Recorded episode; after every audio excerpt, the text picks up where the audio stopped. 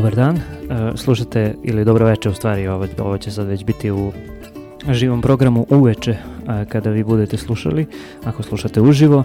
E, nama je lep dan, oktobarski, 23. oktobar kada ovo snimamo, a ovaj vreme kao da je kao da je neki, ne znam, početak septembra ili tako nešto, ili sredina septembra. A, I evo sad pričamo o vremenu i meteorologiji zato što kao što ste možda i videli pričat ćemo danas a, o meteorologiji, o jednoj vrlo specifičnoj a, oblasti meteorologije koja se zove dinamika oblaka, ali ne samo dinamika oblaka, to je onako dosta um, onako je, jedna grana zapravo istraživanja oblaka, pričat ćemo malo i o mikrofizici oblaka i verovatno i o nekim temama i nekim procesima koji su vezani za hemijske procese u atmosferi koji se dešavaju tokom, tokom svih tih nekih procesa evolucije, nastanka razvoja i tako dalje, oblaka, oblačne aktivnosti i tako dalje.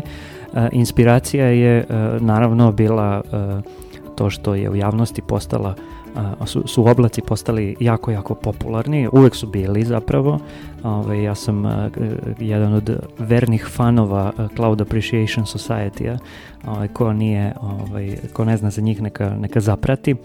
A, ali postala, tema je postala dosta aktualna letos kada su se a, kada se desilo nekoliko velikih superćelijskih olujnih oblaka iznad iznad e, Balkana i ovaj, tako je to u javnosti odjeknulo kao nešto što, što je potpuno neverovatno da se desi kao ne, neka a, nepoznata nepogoda i pogotovo taj naziv superćelijska oluja i superćelijski oblaci, to kao da niko nikad nije čuo i možda i vjerojatno i nije, ali nema veze.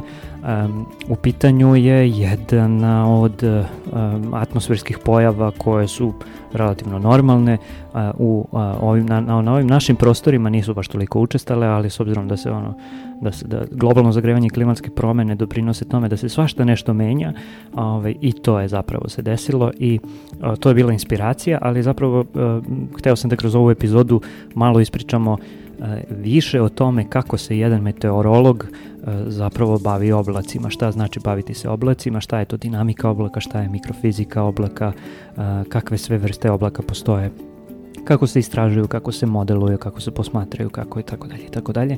I gost uh, u Radio Galaksiji je Darko Savić sa Instituta za meteorologiju uh, uh, na Fizičkom fakultetu na Univerzitetu u Beogradu, uh, student doktorskih studija tamo, bavi se oblacima, ali ovaj, bolje da on ispriča o čemu se radi, verovatno ćemo i jedan deo emisije da, da zapravo pričamo o vrlo konkretnim stvarima kojima se on bavi. Ćao Darko, hvala ti što si došao. Uh, ćao Dušane, hvala na pozivu.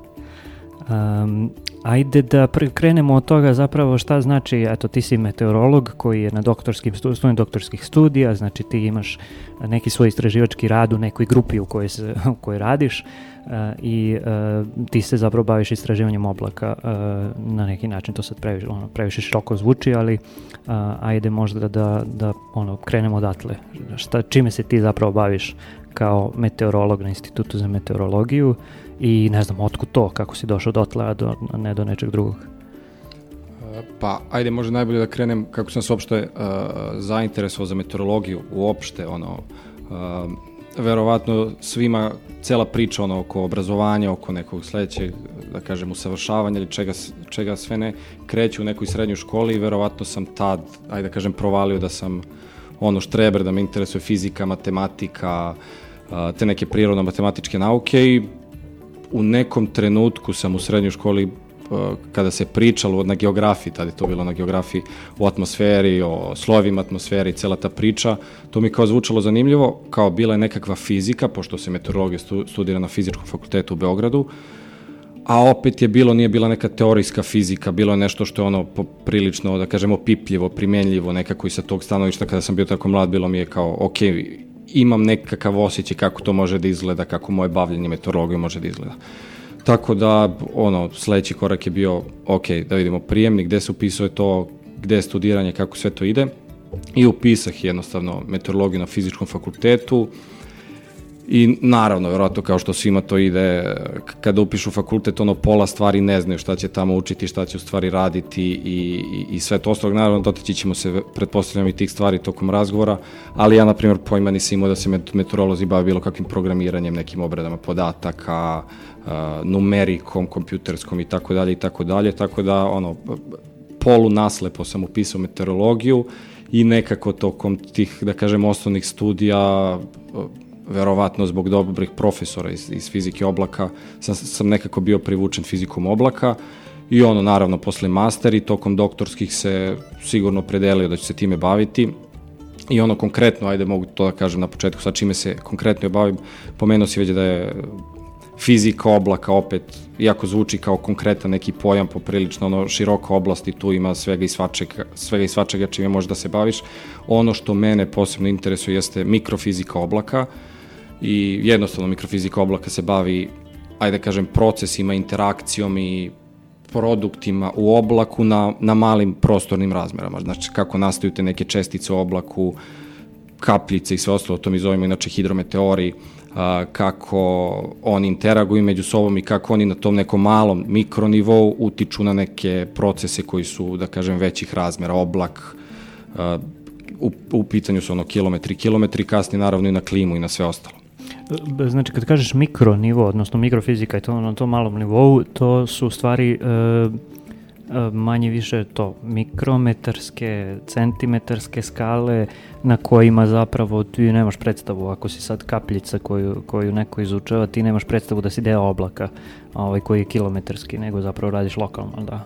Tako je, da. Mislim, to su baš nisam siguran da li to bilo uzročnik zašto se zove mikrofizika oblaka, ali da, mikrofizika oblaka se bavi, znači, ajde recimo ako pričamo o tim nekim prostornim skalama od praktično submikronskih razmera, to su aerosoli koji su i manji recimo od 0,1 mikrometar, koji mm -hmm. i tekako imaju ogroman uticaj na formiranje i životni vek oblaka, njegove produkte i sve ostalo, pa onda uh, kapljice, pa sve recimo do nekih čestica koje su grad, koje par mm -hmm. centimetara, u, u, mhm. što, što kad pogledamo možda nije toliko značajno, ali sa, sa aspekta recimo kasnije ćemo, siguran sam, pričati više o tome, sa aspekta numerike, odnosno simulacije oblaka, to je opseg vrednosti recimo 7-8 redova veličine, što je jako teško staviti u nekakav kompjuterski model i, i simulirati. Mm -hmm. I sad sam htio da kažem, a dodatno zapravo, ti kad napraviš model verovatno koji uh, se bavi, ne znam, aerosolima ili gradom ili snegom ili kako već, ovaj, uh, ti zapravo daješ jedan kraj, odnosno jednu donju granicu za neki model koji zapravo treba da se poveže nekako sa ovim velikim modelima na velikim skalama koji govore o tome kako, ne znam, se dešava konvekcija u tom nekom oblaku na skali od ono, kilometra ili kako već.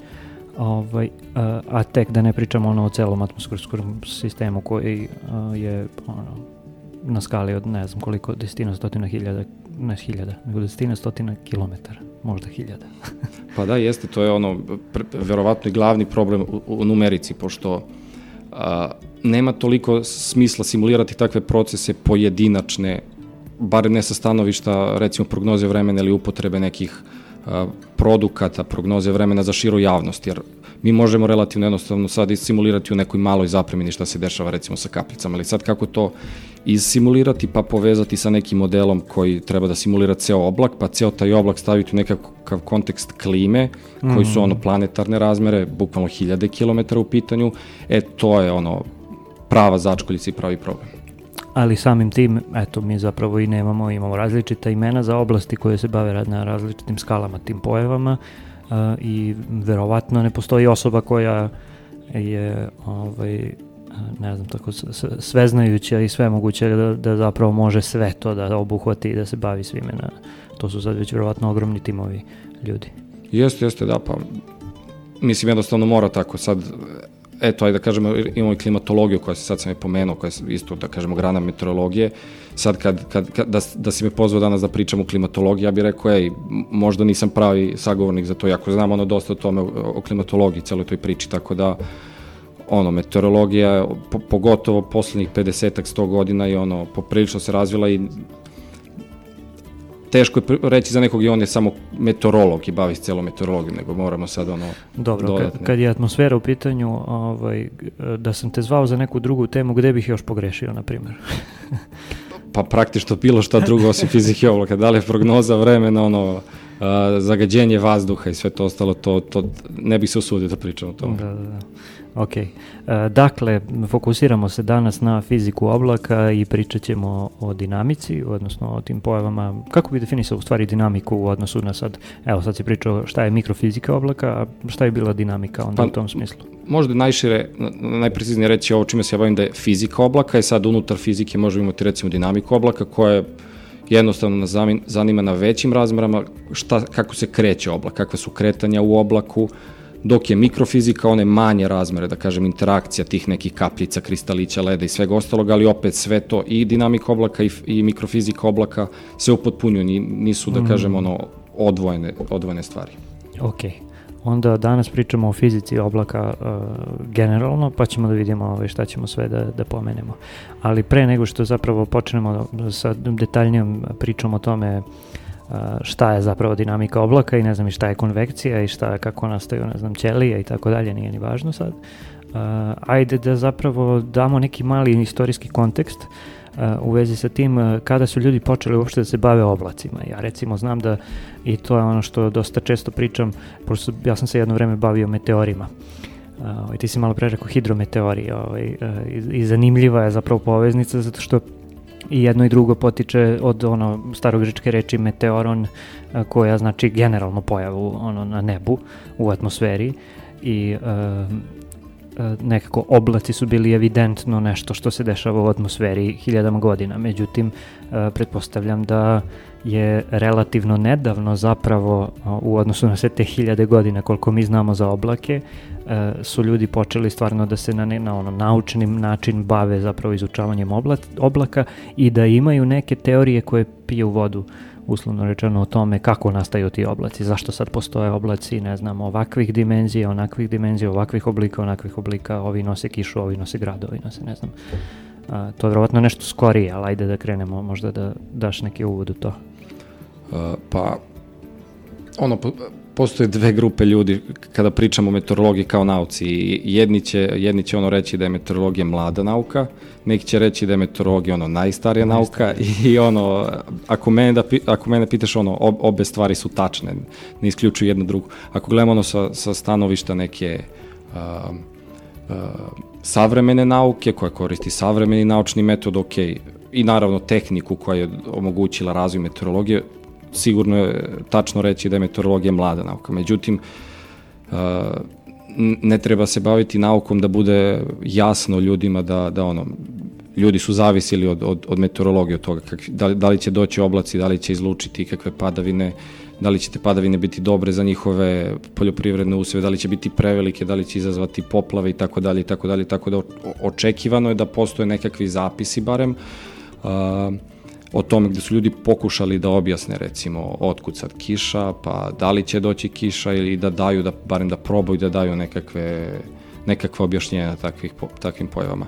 I ako se sad vraćamo nazad, ono, možemo da se vratimo u antičko doba gde ćemo pronaći zaista ono, i, i, i pored ono klimatoloških podataka, da kažem skupljenja podataka meteoroloških, naći ćemo i nekakve spise koji pokušavaju da, da objasne nešto što smo mi objasnili, da kažem, pre 100 godina. Pa mm. recimo, ako se vratimo u antičko doba, a, meteorologije, pred, možda se varam, ali mislim da sam u pravu, meteorologije dobila ime po, po, po knjizi koju je Aristotel napisao još u antičko doba, gde je on skovao tu reč meteorologija, a, gde si ti rekao, opet meteor, meteori su to, to su nekakve pojave i predmeti koji nam dolaze sa neba i onda opet da se nadovežem na ovo što sam ja malo prepomenuo hidrometeore, znači hidrometeori nam predstavljaju sve čestice u oblaku i van oblaka koji su sastavljeni od vode u bilo kom agregato stanju. Znači nama su mm. hidrometeori ono kapljice vode, kristalići leda, grad, kiša, sve što praktično se mm. nalazi u oblacima, a od vode je sastavljeno a, a, su hidrometeori. E sad, teorije oblaka, ono, to smo morali da sačekamo negde već 18. 17. 18. vek. Ako pod teorijom oblaka a, a, računamo proces, znači imamo vodenu paru u vazduhu, da znamo šta je vodena para, ok, treba da se dese neki uslovi da na vodena para pređe u tečno ili čvrsto agregatno stanje i da se formira nešto što je oblak i još posle to da nekako opišemo otkud sad, kako to sad padne sa neba i tako dalje. Tako da su morali da sačekamo neka ozbiljnija fizička saznanja negde do 17. 18. veka gde si, na primjer, i Descartes pominje, on je prvi rekao da se verovatno oblak sastoji iz nekih malih kapljica vode koji u nekom trenutku nekakvim procesima treba se sudare, da formiraju veću kapljicu koja će doći na tlo. I naravno to je sad tokom mm -hmm. istorije bilo ono mnogo uh, zabluda sa time da li sad vazduh treba da se da se, da kažem, kompresuje, pa je bilo ono priče, dugo, dugo bilo priče da oblaci nastaju kad, na sučeljavanju dve vazdušne struje, pa su pošli ipak rekli, e, pa ne, ovde imamo neku termodinamiku, sad nam se pojavila, ipak mora da se širi vazduh, da se hladi, da bi nastale kapljice i tako dalje i tako dalje. Tako a, pritom, da... a pritom nismo imali, evo sad sam se setio, ali ne mogu se setiti kako se zove taj film čoveče, um, ne, zove se Aeronauti. Ovaj, jesi gledao? Mhm, mm jes. Ovaj, to je, ne znam, priča iz recimo 18. veka ili mm -hmm. 19. čak možda. Ovaj, pritom, eto, taj film je meni bio baš strava, sad ne znam, možda možeš da razuveriš i mene i slušalce ovaj, da li je to zapravo tačno istorijski. Uh, u tom periodu kada su baloni bili sredstvo da se leti u ovaj atmosferu, nisu postojali ne znam kakvi ono avioni i tako dalje. Zapravo mi nismo imali pojma e, kakvi su uslovi fizički u atmosferi na nekim velikim visinama. Pritom kad kažem velikim visinama mislim na više od ne znam koliko, 2 km, mm -hmm. kilometar na primjer. Ne, možda čak i manje, nemam pojma. Ovaj, I taj film je meni bio fenomenalan kada oni zapravo prvi put otkrivaju da ne znam su um, da ono temperatura opada i da onda u nekom trenutku naravno ono temperatura kreće da raste, mere pritisak i tako dalje, potpuno genijalan film uh, što se tiče toga kako zapravo nastajala ast ova astronomija. Ovaj, meteorologija kao nauka koja je ono disciplina koja sad treba da ima neku empiriju, da nešto izmeri da i tako dalje. Ovaj, znači mi u tom periodu nismo znali ono šta se dešava u atmosferi. Možda mogli smo gledamo samo sa površine zemlje. Da, pa sad si čak i pomenuo, dobar hint si dao kada si rekao astronomija, a u stvari ne meteorologija, zašto su dugo astronomija i meteorologija, ljudi koji su se bavili, neko su povezivali te dve stvari, pošto zapravo pojma nisu imali kao otkud kiša, otkud sad neki vetrovi, šta se dešava sa atmosferom iznad nas.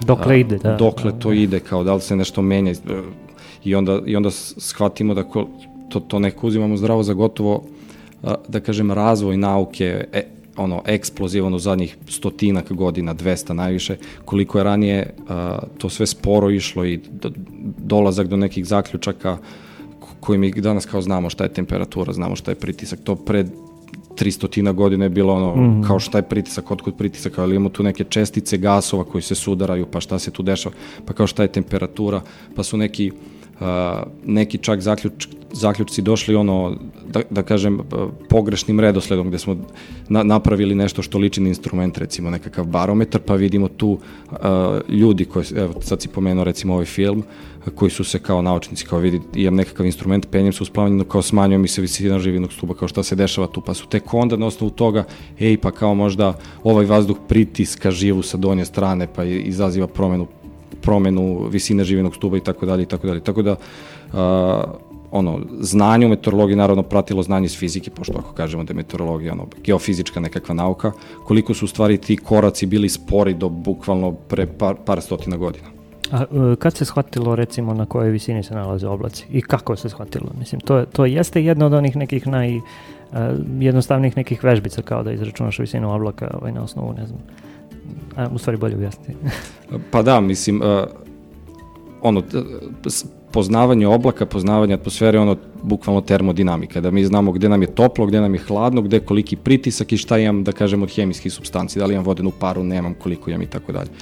Tako da, mislim sad što ti kažeš, to je relativno jednostavno možemo na pačetu papira sad izračunamo, ali to je kasnije bilo ono, ultra spor proces da mi shvatimo čekaj šta se dešava tu, sad imam nekakav vazduh koji se podiže, pa kao i možda bi trebalo da se hladi, pa će kao da se stvori nekakva kondenzacija, pa onda zašto se stvara kondenzacija i tako dalje, tako da o, trebalo je dosta vremena da dođemo do toga. Mm -hmm, mm -hmm.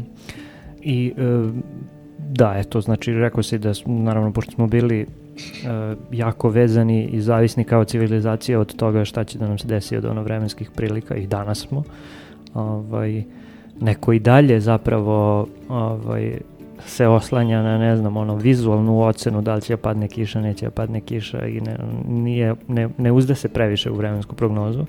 Um, um, s obzirom da smo, jel te, zavisni od, od meteorologije na, na nivou civilizacije što se toga tiče poljoprivrede i tako dalje. Um, naravno, znali smo za oblake i ljudi su s jedne strane uočavali različite tipove oblaka, uočavali su različite šta ko, verovatno su uočavali neke pravilnosti kad se pojavi ovakav oblak beži ono, odatle, sklanje se u kuću, sklanje se negde, kad se pojavi ovaj, ima nema veze ništa, ovaj neće da bude. Um, međutim, um, kad je zapravo napravljena neka prva ozbiljnija sistematizacija, odnosno karakterizacija, kako već ono, po tipovima oblaka, koja se zasniva zapravo na nekoj definiciji uh, meteorološkoj gde, eto, možemo da kažemo da ok, seli smo i sad smo stvarno seli sistematično da se bavimo oblacima i rekli smo, aha, ovo je oblak, tako definišemo oblak i sad u odnosu na to, to, to i to mi imamo sa različite vrste oblaka i tako dalje. Kad se to desilo, šta je definicija i tako dalje?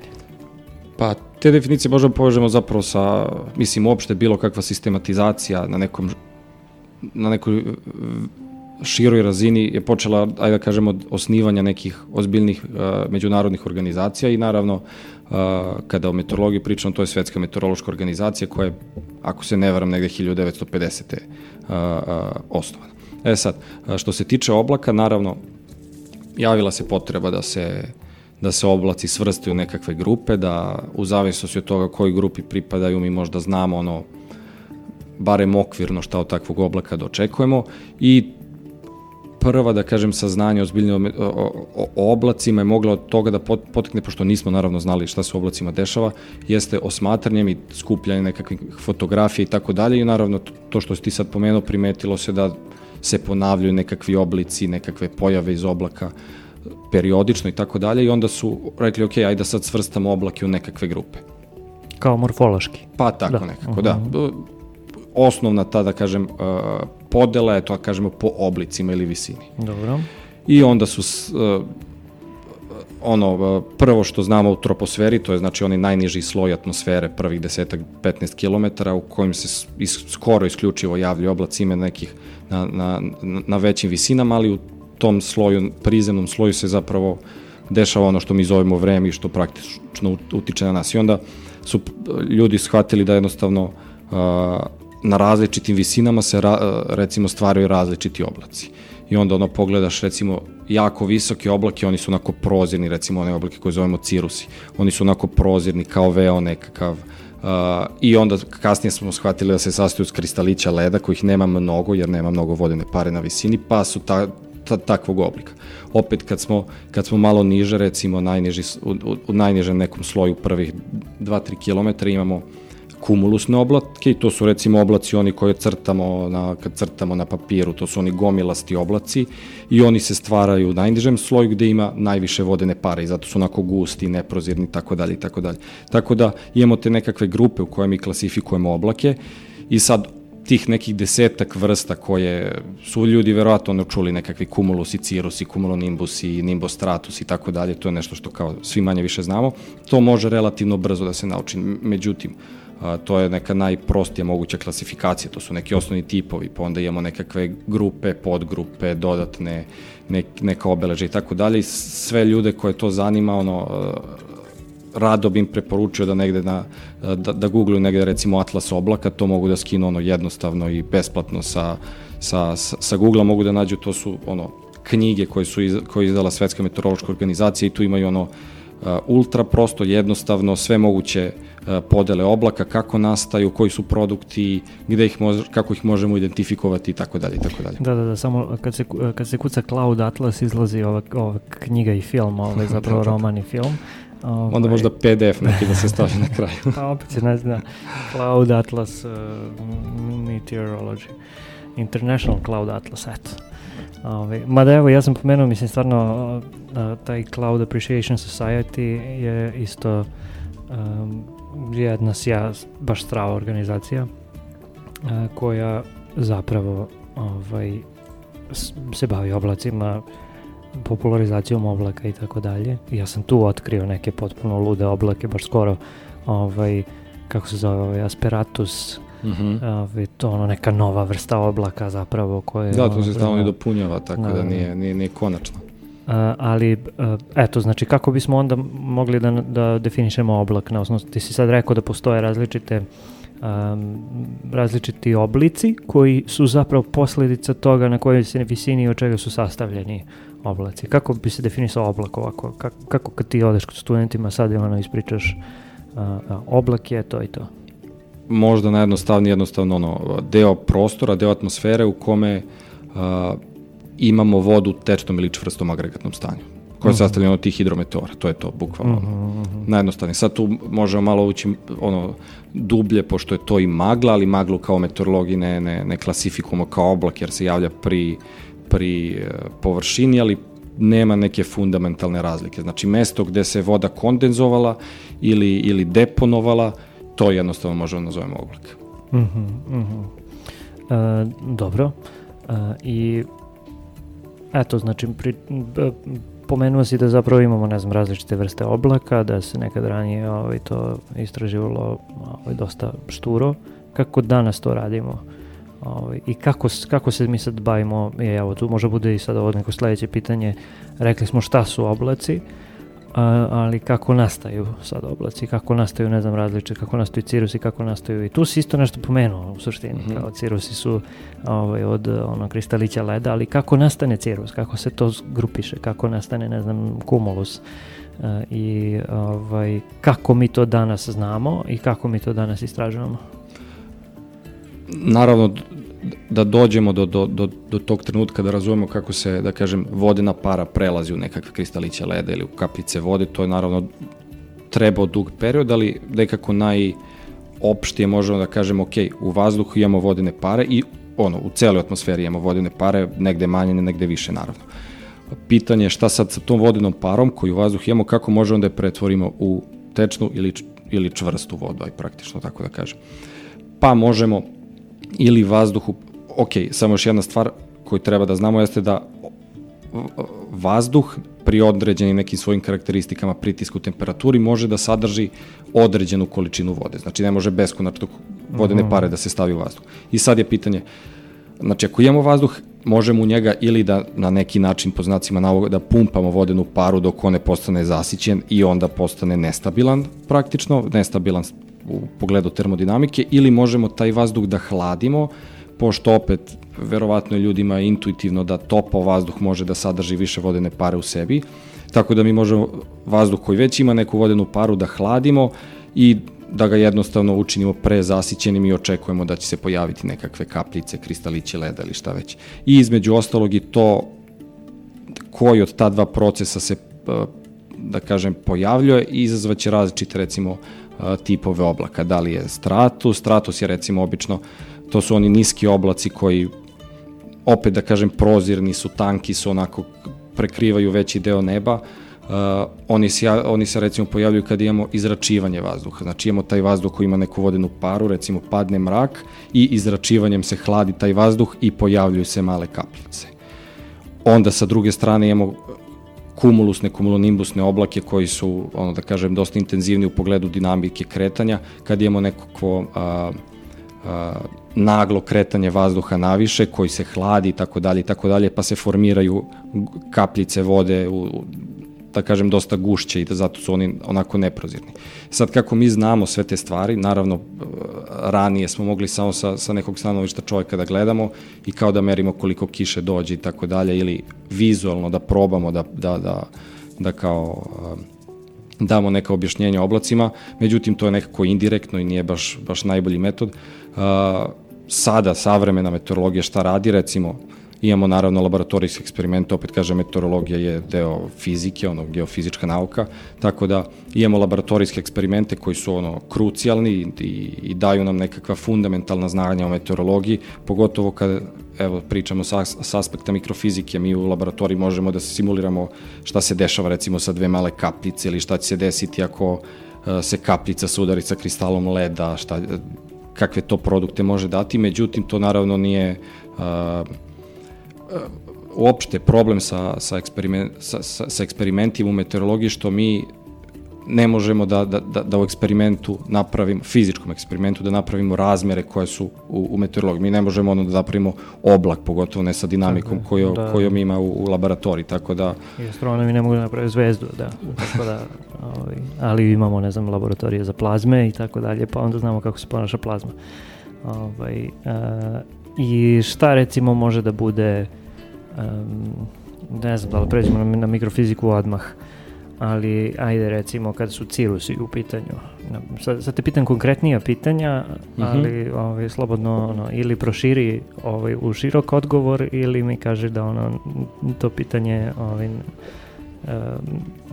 ne, nema smisla ili kako već, ali recimo kad su uh, cirusi u pitanju, uh, kako bi izgledao jedan laboratorijski eksperiment u kom ti sad recimo mo, ono, istražuješ nastanak cirusa, odnosno hipoteza ti je u stvari da su oni zapravo sastavljeni od kristalića leda, nalaze se na velikim visinama i šta bi tu zapravo laboratorijski moglo da se, da se desi? Pa da, mi, mi ono prvo moramo da znamo koji su uslovi u kome se ciri, cirusi stvaraju, opet ono, to sam rekao, no, velike visine, očekujemo niske temperature, nizak pritisak i malo vodne pare.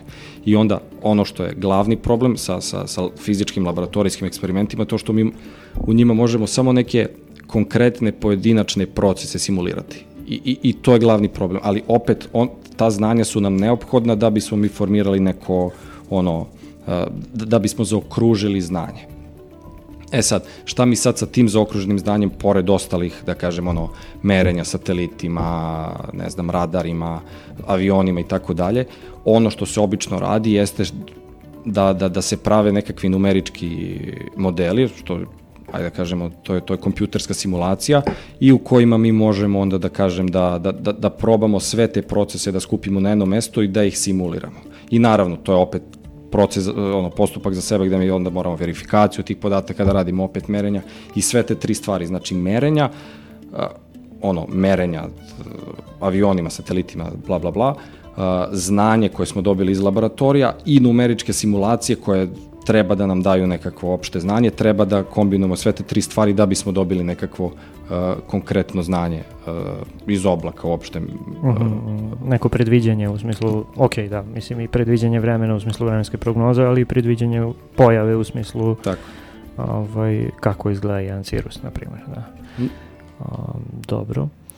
Tu, tu, izvim što te prekidam, uh, tu ima jedna priča koja je meni ono fascinantna, a, a tiče se kao razvoja meteorologije uopšte šta znamo, šta ne znamo, a recimo nalazimo se recimo kraj 19. početkom 20. veka i to je bio period kada su recimo po ono državama već formila, formirani nekakvi meteorološki zavodi ili šta već došlo je do recimo neke ozbiljnije komunikacije među tim zavodima i da kažem meteorološke mreže stanica koja je dobro komunicirala. Tako da je to neki period kada već imamo uh, neke prve prognoze vremena koje se baziraju na prikupljanju podataka i crtanju nekakvih meteoroloških karti. Mm -hmm. I to je bilo ono najprostije, ako recimo ne znam imamo nekakav ciklon koji je juče bio ne znam u Sloveniji, danas je u Bosni, očekujemo da će danas biti u Srbiji, da će sutra biti u Srbiji. Međutim, to nije, da kažem, ono što je fundamentalno nekako fizički, ili tako? I šta je onda bilo, recimo, u tom periodu, uh, Richard, uh, Louis Fry Richardson, mislim da se zove, da, on je bio engleski uh, meteorolog, fizičar, tad su bili meteorolozi, fizičari, matematičari, sve spojeno. On je bio tad među prvima koji je rekao, ok, pa mi znamo šta se dešava u atmosferi u pogledu sila koje deluje u atmosferi, ako mi znamo nekakve početne uslove, kako se atmosfera sada ponaša, mi možda možemo da, da kažem, izračunamo buduće stanje atmosfere.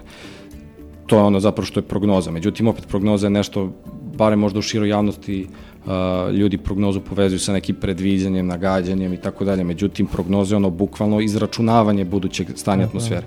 I to je bilo davno pre ono računara ili bilo kakve tehnike za, za računanje. I onda se onda recimo taj uh, Richardson bavio tim problemom i rekao, ok, ako ja znam početno stanje atmosfere, znam koji mi zakoni vladi u atmosferi, ajde da vidim koliko je meni ljudstva potrebno da napravim jednu prognozu. I to je bilo ovako, on je rekao, ok, ako ja sad dobijem podatke o tome kako mi trenutno izgleda atmosfera, imam neku sobu gde imam ono matematičare koji savršeno dobro računaju, bez greške, odlično komuniciraju među sobom, rade 24 sata i u tom 24. satu daju prognozu za sledeći dan i on dobije brojku, recimo da mu je potrebno 64.000 ljudi. Znači ono ludilo neko, zato što ono, celu atmosferu moramo praktično po znacima da u svakoj tački da računamo sve te mhm. jednačine, kako će se to dešava, ponašati, kako svaka ta tačka utiče na svaku drugu.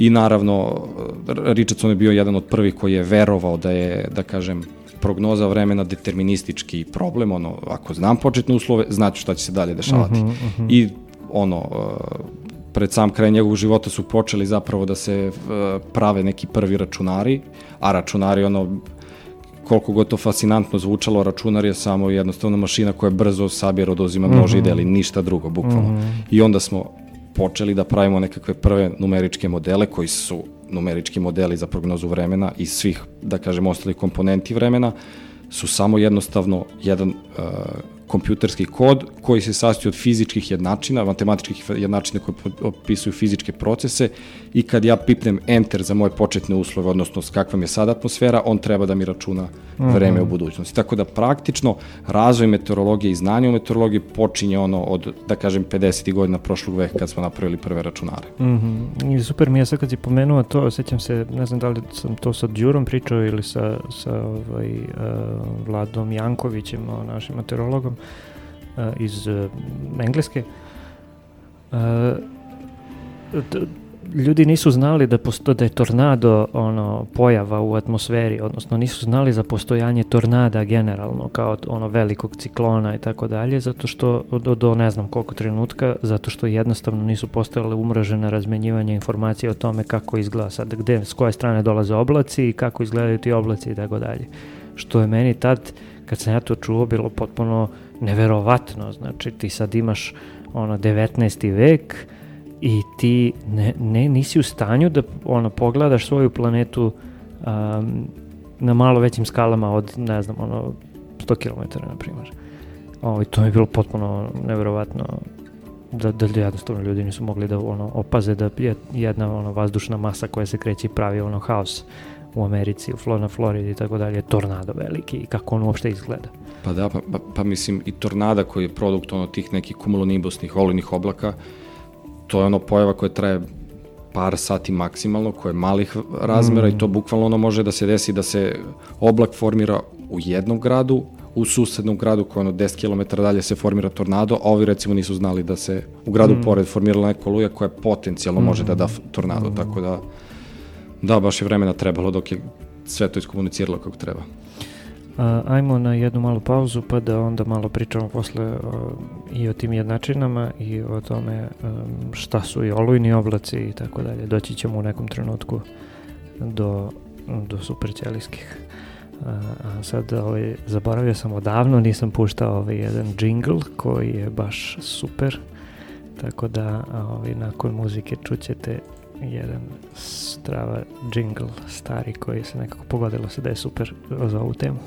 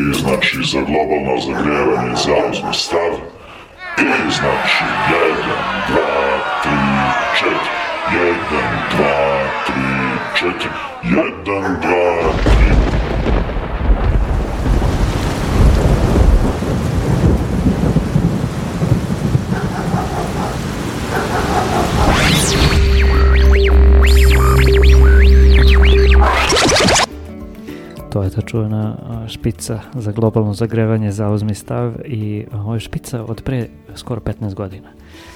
Ovaj, za 15 godina se ko zna šta sve promenilo ono sa globalnim zagrevanjem, stvarno mislim, a pre 15 godina nismo imali ovakve, ali nećemo sad da ulazim u to, to ćemo malo kasnije, ali nismo imali ovakve, ovako učestale velike oluje, nismo imali ovako učestale ono toplotne talase, nismo imali tako da nam bude ono manje više normalno što 23. oktobra je ono 23 stepena na polju. Ovaj, ali pričat ćemo i o tome. Da se vratimo na oblake, dakle Darko Savić sa Instituta za meteorologiju je u Radio Galaksiji gost i pričamo o tome kako funkcioniše dinamika oblaka, kako funkcionišu oblaci, kako nastaju, kako se zapravo istražuju, kako se modeluju i tako dalje. I pričali smo u ovaj, prethodnom delu emisije kako je a, sad zaboravio ime, pa ću reći Robert Louis Stevenson, ali nije, nije Robert Louis Stevenson, nego ovaj... Richardson. Richardson. Isto Louis? A, a, ček, sad si mene zbudi.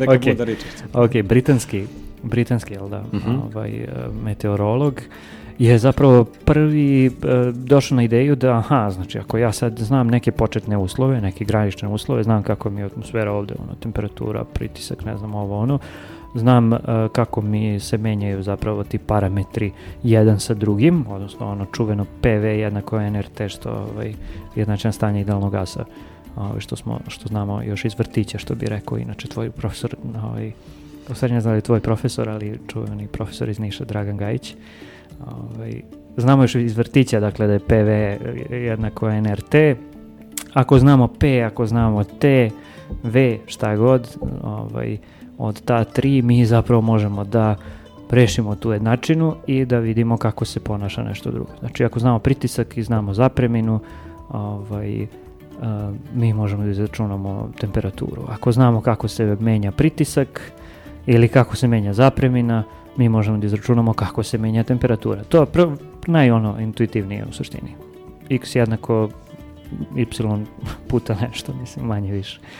Ovaj, Međutim, um, um, znači Richardson je seo i rekao, aha, ok, imamo gomilu ovaj, tih nekih jednačina, znači to nije sad već samo PV jednako NRT, nego ko zna šta sve ne, to će sad Darko da ispriča. Uh, I ako mi sad imamo, ako smo u stanju da ih rešimo, u smislu da imamo resurse, ono, ljude koji će to da reše ili ono, um, jezgra na računarima koji će to da reše, mi zapravo možemo da napravimo prognozu vremena ili možemo da napravimo simulaciju oblaka, možemo da vidimo ovo, možemo da vidimo ono. E, ajde sad da vidimo kad su u pitanju oblaci, šta su tu zapravo ti početni uslovi, šta su jednačine, šta mi gađamo kad hoćemo da objasnimo nekim sistemom jednačina neki oblak. Na početku si rekao, oblak je ono skup vode u ono nekom agregatnom stanju u atmosferi, međutim, ajde sad malo detaljnije. Uh, pa pazi, ovako, kad sad si pomenuo prognozu vremena, pa nekakve oblake, simulacija, tako dalje.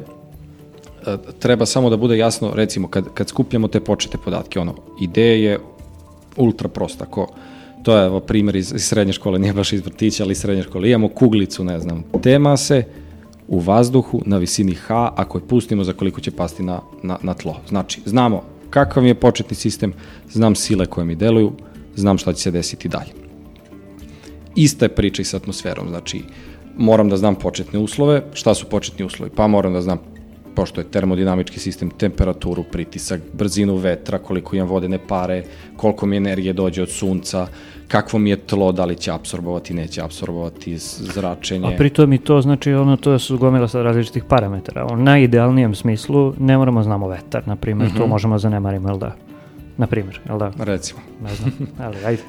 Pa ne, mislim, i to je jedna, jedna problematika, to što kažeš sada, šta smemo, šta ne smemo da, da zanemarimo, zato što ako, da bi ja imao te početne uslove, ja moram da, da ono, imam gustu mrežu stanica, zato postoji inače meteorološke stanice, da bi ja sad skupio tu te sve parametre, pušto balone, pošto moram da znam na tlu kako mi izgleda atmosfera, pri tlu moram sa visinom da znam kako se menjaju meteorološki parametri, pa tu sad dolaze naravno a, i priča ono sa satelitima, radarima, skupljaju se čak i neki ono podaci sa, sa bova na morima gde ne, ne mogu da budu meteorološke stanice i tako dalje. Znači imamo ludilo jedno, evo recimo sad ne znam koliko je 5-6 sati, u 6 sati će svi meteorolozi na svetu izaći da mere meteorološke veličine, meteorolozi, e, tehničari, osmatrači će izaći da mere veličine i to su ono terabajti, terabajti podataka, da mi sklopimo jedan, jedno stanje atmosfere, kakvo je stanje, kak, kakva je atmosfera u 6 sati u pogledu svih tih veličina.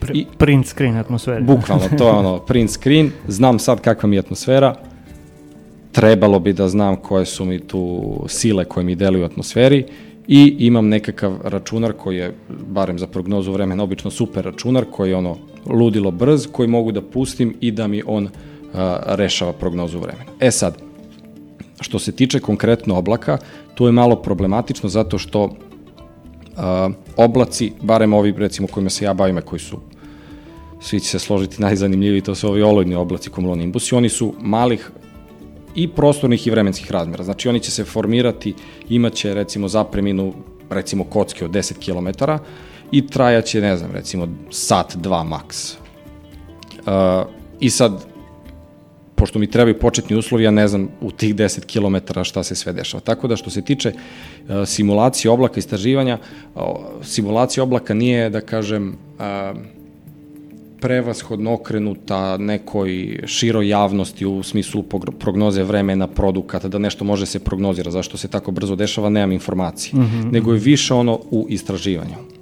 Mm -hmm. Tako da, ono što se tiče prognoze, ok, tu imamo te, te modele koje mi puštamo i koji nam računaju buduće stanje, ali kod, kod oblaka to nije baš... Znači nemamo još ono prognozu oblačnu prognozu. Upravo tako, da. Prognozu oblaka. Da. Znači da ako, ne znam, neko sad sedne ono tamo negde na ono, nekom otoku u Jadranskom moru vidi šta se dešava, znači uhvati snapshot atmosfere u tom periodu, u tom trenutku da može zapravo da ono klikne i da se kaže aha evo sad ćemo da, znači, za ono, sat vremena će taj oblak da naraste toliko i toliko, desit će se to i to, tu, tu i tu će padne kiša i tako dalje. Da, to, toga ne, mislim, uh, Još uvijek. pazi, uh, ono, uh, da kažem neki globalni model koji treba da da prognozu vremena, on mora da, da da nekakve i produkte koji dolaze iz oblaka ili mm. mora da ima nekako, da, da da neke produkte koji su recimo ono, pokrivenost oblacima, jer nam to sad zavisi koliko će energije doći od sunca i tako dalje, da li će pasti neka kiša, ali opet uh, aj sad ću malo da zagrebem i u tu numeriku, znači kako, mi, kako se uopšte radi prognoza vremena. Opet sad evo ponavljam ono, imamo početne uslove, znam kako mi se ponaša atmosfera. Ja ću atmosferu podeliti na nekakve kockice i u svakoj od tih kockica ja ću računati sve ono moguće jednačine koje znam da, da, da važe u atmosferi. Mm. Fizičke, jedna, jedna, matematičke jednačine fizičkih zakona. I sad, za sve procese koji su mi manji od, od tih kockica, ja neću moći eksplicitno da računam.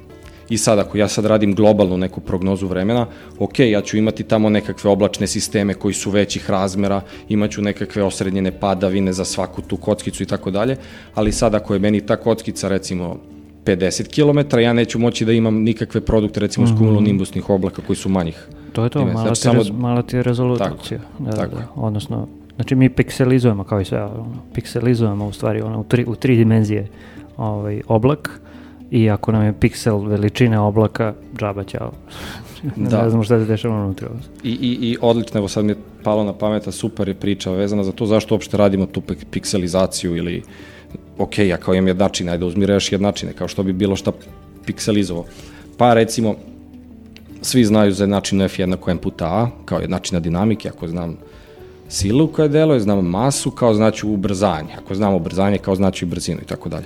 Osnovna karakteristika atmosfere jeste da se kreće, da je jednostavno je fluid i ono, verovatno nam je mnogo bitno da znamo kako, kakva su strujenja atmosferi. E sad, pošto je atmosfera fluid, ja ne mogu da primenim jednačino F jednako M puta A, zato što je to jednačina za neko kruto telo, a moja atmosfera je fluid. I okej, okay, tamo možda se varam, mislim da 18. vek kada, je, kada su bukvalno iz te jednačine F jednako M puta A, malo su je nešto modifikovali i dobili nešto što se zove navijes toksova jednačina koja mi opisuje kako meni struji fluid. Znači isto je jednačina koja treba da, da mi da brzinu osno, od, na, na osnovu sila koje znam. Mm -hmm. I ok, dobili smo jednačinu i sad šta da radimo sa tom jednačinom, pa pokazuje se da je ta jednačina, aj sad da budem te, tehnički ispravan, znači uh, nehomogena, nelinearna, parcijalna, diferencijalna načina drugog reda. I sad svako od tih uh, ono, epiteta je ono začkoljica za sebe. I ono što se pokazuje, to je Ajde da napravimo, znači mm -hmm. F jednako M puta A, ako je gledamo tako, znači to je ono sila, odnosno e, sila je e, neka promena impulsa, e, imamo znači da je promena impulsa u stvari neka promena a, brzine, manje više. Mm -hmm. Znači, menja nam se brzina sa jedne strane, sa druge strane imamo masu koja je nepromenjiva i men, od druge strane opet menja brzina, ovaj, zato što je mhm. ubrzanje i tako dalje. I mi u suštini, uh, odnosno, izvini, sad sam ja zbunio, ali znači imamo promenu brzine, a s druge strane imamo neku silu koja uzrokuje tu promenu brzine, sad to može bude svašta nešto, kad to raspišemo mi ovde imamo u suštini to diferencijalno načinu a, nekog, recimo drugog reda, zato što je promena brzine, to je drugi, drugi red, ali je ovo linarna diferencijalna načina, mm -hmm. znači vrlo jednostavna. Međutim, kada je u pitanju a, fluid, e tu onda imamo znači parcijalno diferencijalno načinu, zato što po različitim ovaj, parametrima se drugačije menja i tako dalje. A, tako da dosta složenije, samo sam ovaj, htio da ubacim to da ljudi shvate da ono, to nije ne znam kakav bauk, ono, ne, ne linearna parcijalna diferencijna načina drugog reda, ne homogena, mislim, ne homogena znači da kad se raspiše sve nije ono jednako nula, nego ima nešto. Um, da, i onda mislim i problem u tome, ako se opet vratio na ovaj primjer kuglice na nekoj visini, ok, mi tu uzemo samo gravitaciju i kao znamo da izračunamo, nema problema. Međutim, dobijemo to nešto što se zove navije Stokesova jednačina, koja je opšte ono, uh, opet da kažem, konceptualno prosta stvar, znači ako znam sile da izračunam brzinu, ubacim sve sile i, i praktično ono što, što, što kažu matematičari, mislim kažu matematičari, i dan danas nemamo uh, analitičko rešenje te jednačine. Znači ne možemo ono na papiru da uzmemo, mi tu sad nešto sredimo i rešimo tu jednačinu, dobijemo nekakav konačan mm. oblik. I sad o, o, o težini problema i o važnosti nalaženja rešenja govori činjenica da recimo 2000. godine, čini mi se zove Clay Matematički institut uh, u Americi je izdao nekih, ja mislim, sedam ili osam kako su oni nazvali milenijumskih problema, koji su praktično matematički problemi, gde su oni rekli, ok, svaki od ovih problema je izuzetno važan, rešenje zapravo svakog od ovih problema je izuzetno važan i bilo ko da reši bilo koji od ovih problema dobit će nagradu od milion dolara. Ja mislim od tih sedam ili osam problema da danas je rešen samo jedan problem i jedan od tih problema je navija stoksova načina. Znači mi praktično ono što nam je najvažnije za atmosferu, da znamo kako se kreće, mi i dan danas ne znamo ne umemo tačno da odredimo kako će se ona kretati. I onda upadamo u taj problem kako ćemo da rešimo, pa onda imamo te neke računare i onda numerički približno rešavamo tu jednačinu. I zato je, to, to je jedan, i, i, jedan od razloga zašto uh, prognoza nekad nije dobra. Zapravo, nije nekad da nije dobra, ona nikad nije dobra savršeno, uvek postoji nekakva greška koja se tokom vremena gomila i tako dalje i tako dalje. Tako da, eto, jedan od razloga. Uh -huh, uh -huh. E, I, e, dakle, kada imamo pikselizaciju, ovaj, odnosno numeriku, mi zapravo možemo da rešimo na VS Toxovu načinu numerički i dobijemo sad ono, stalno popravljamo i tako dalje i tako dalje.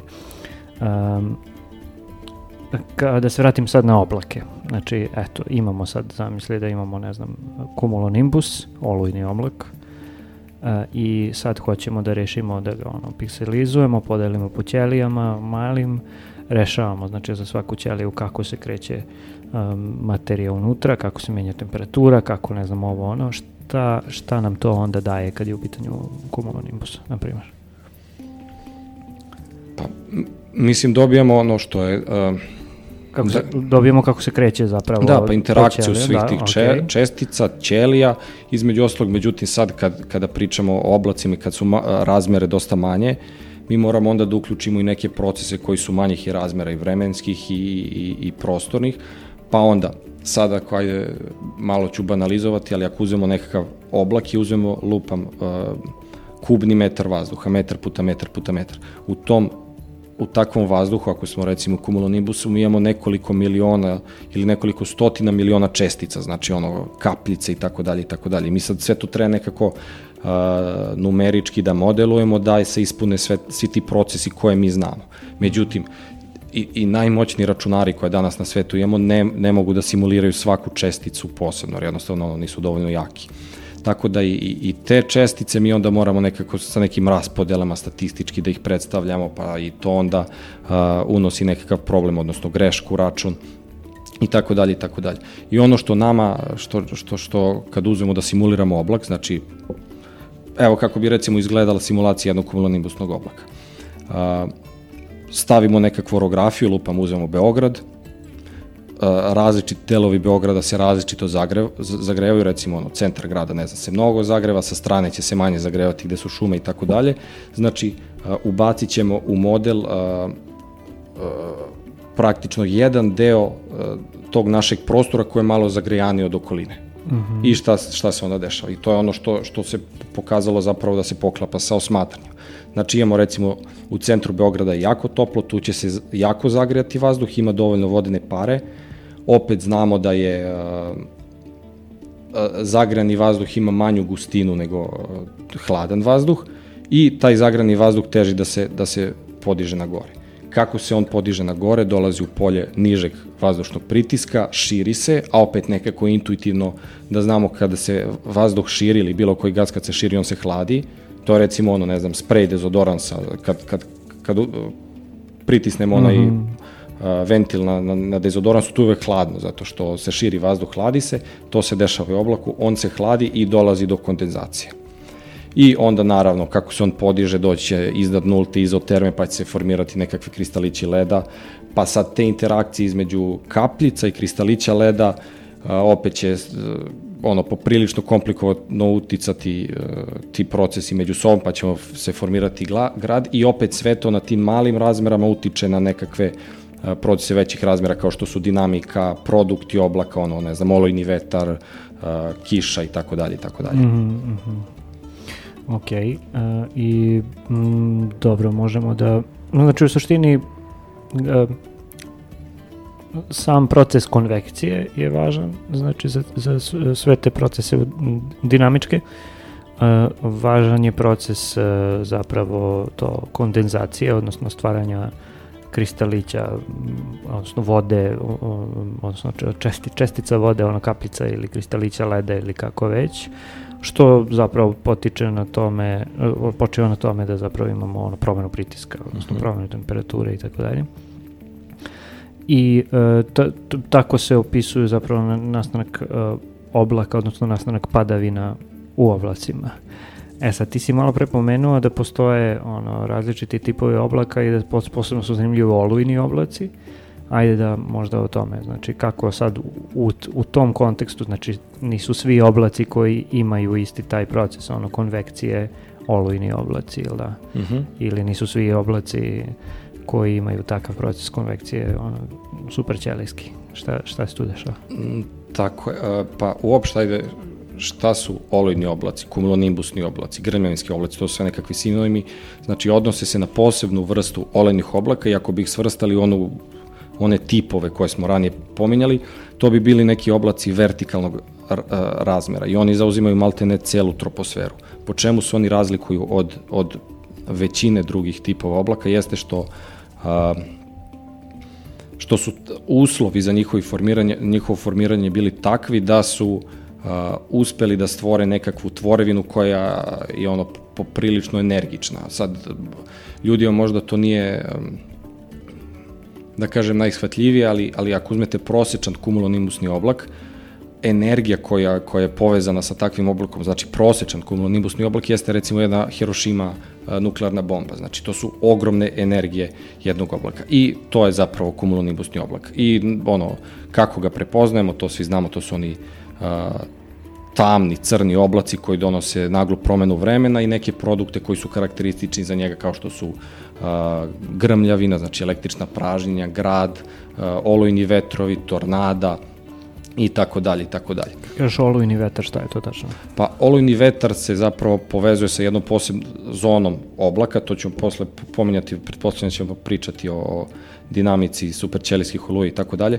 Znači, postoji jedan deo oblaka a, kumulonimbusnog gde imamo recimo padavine i silazna kretanja.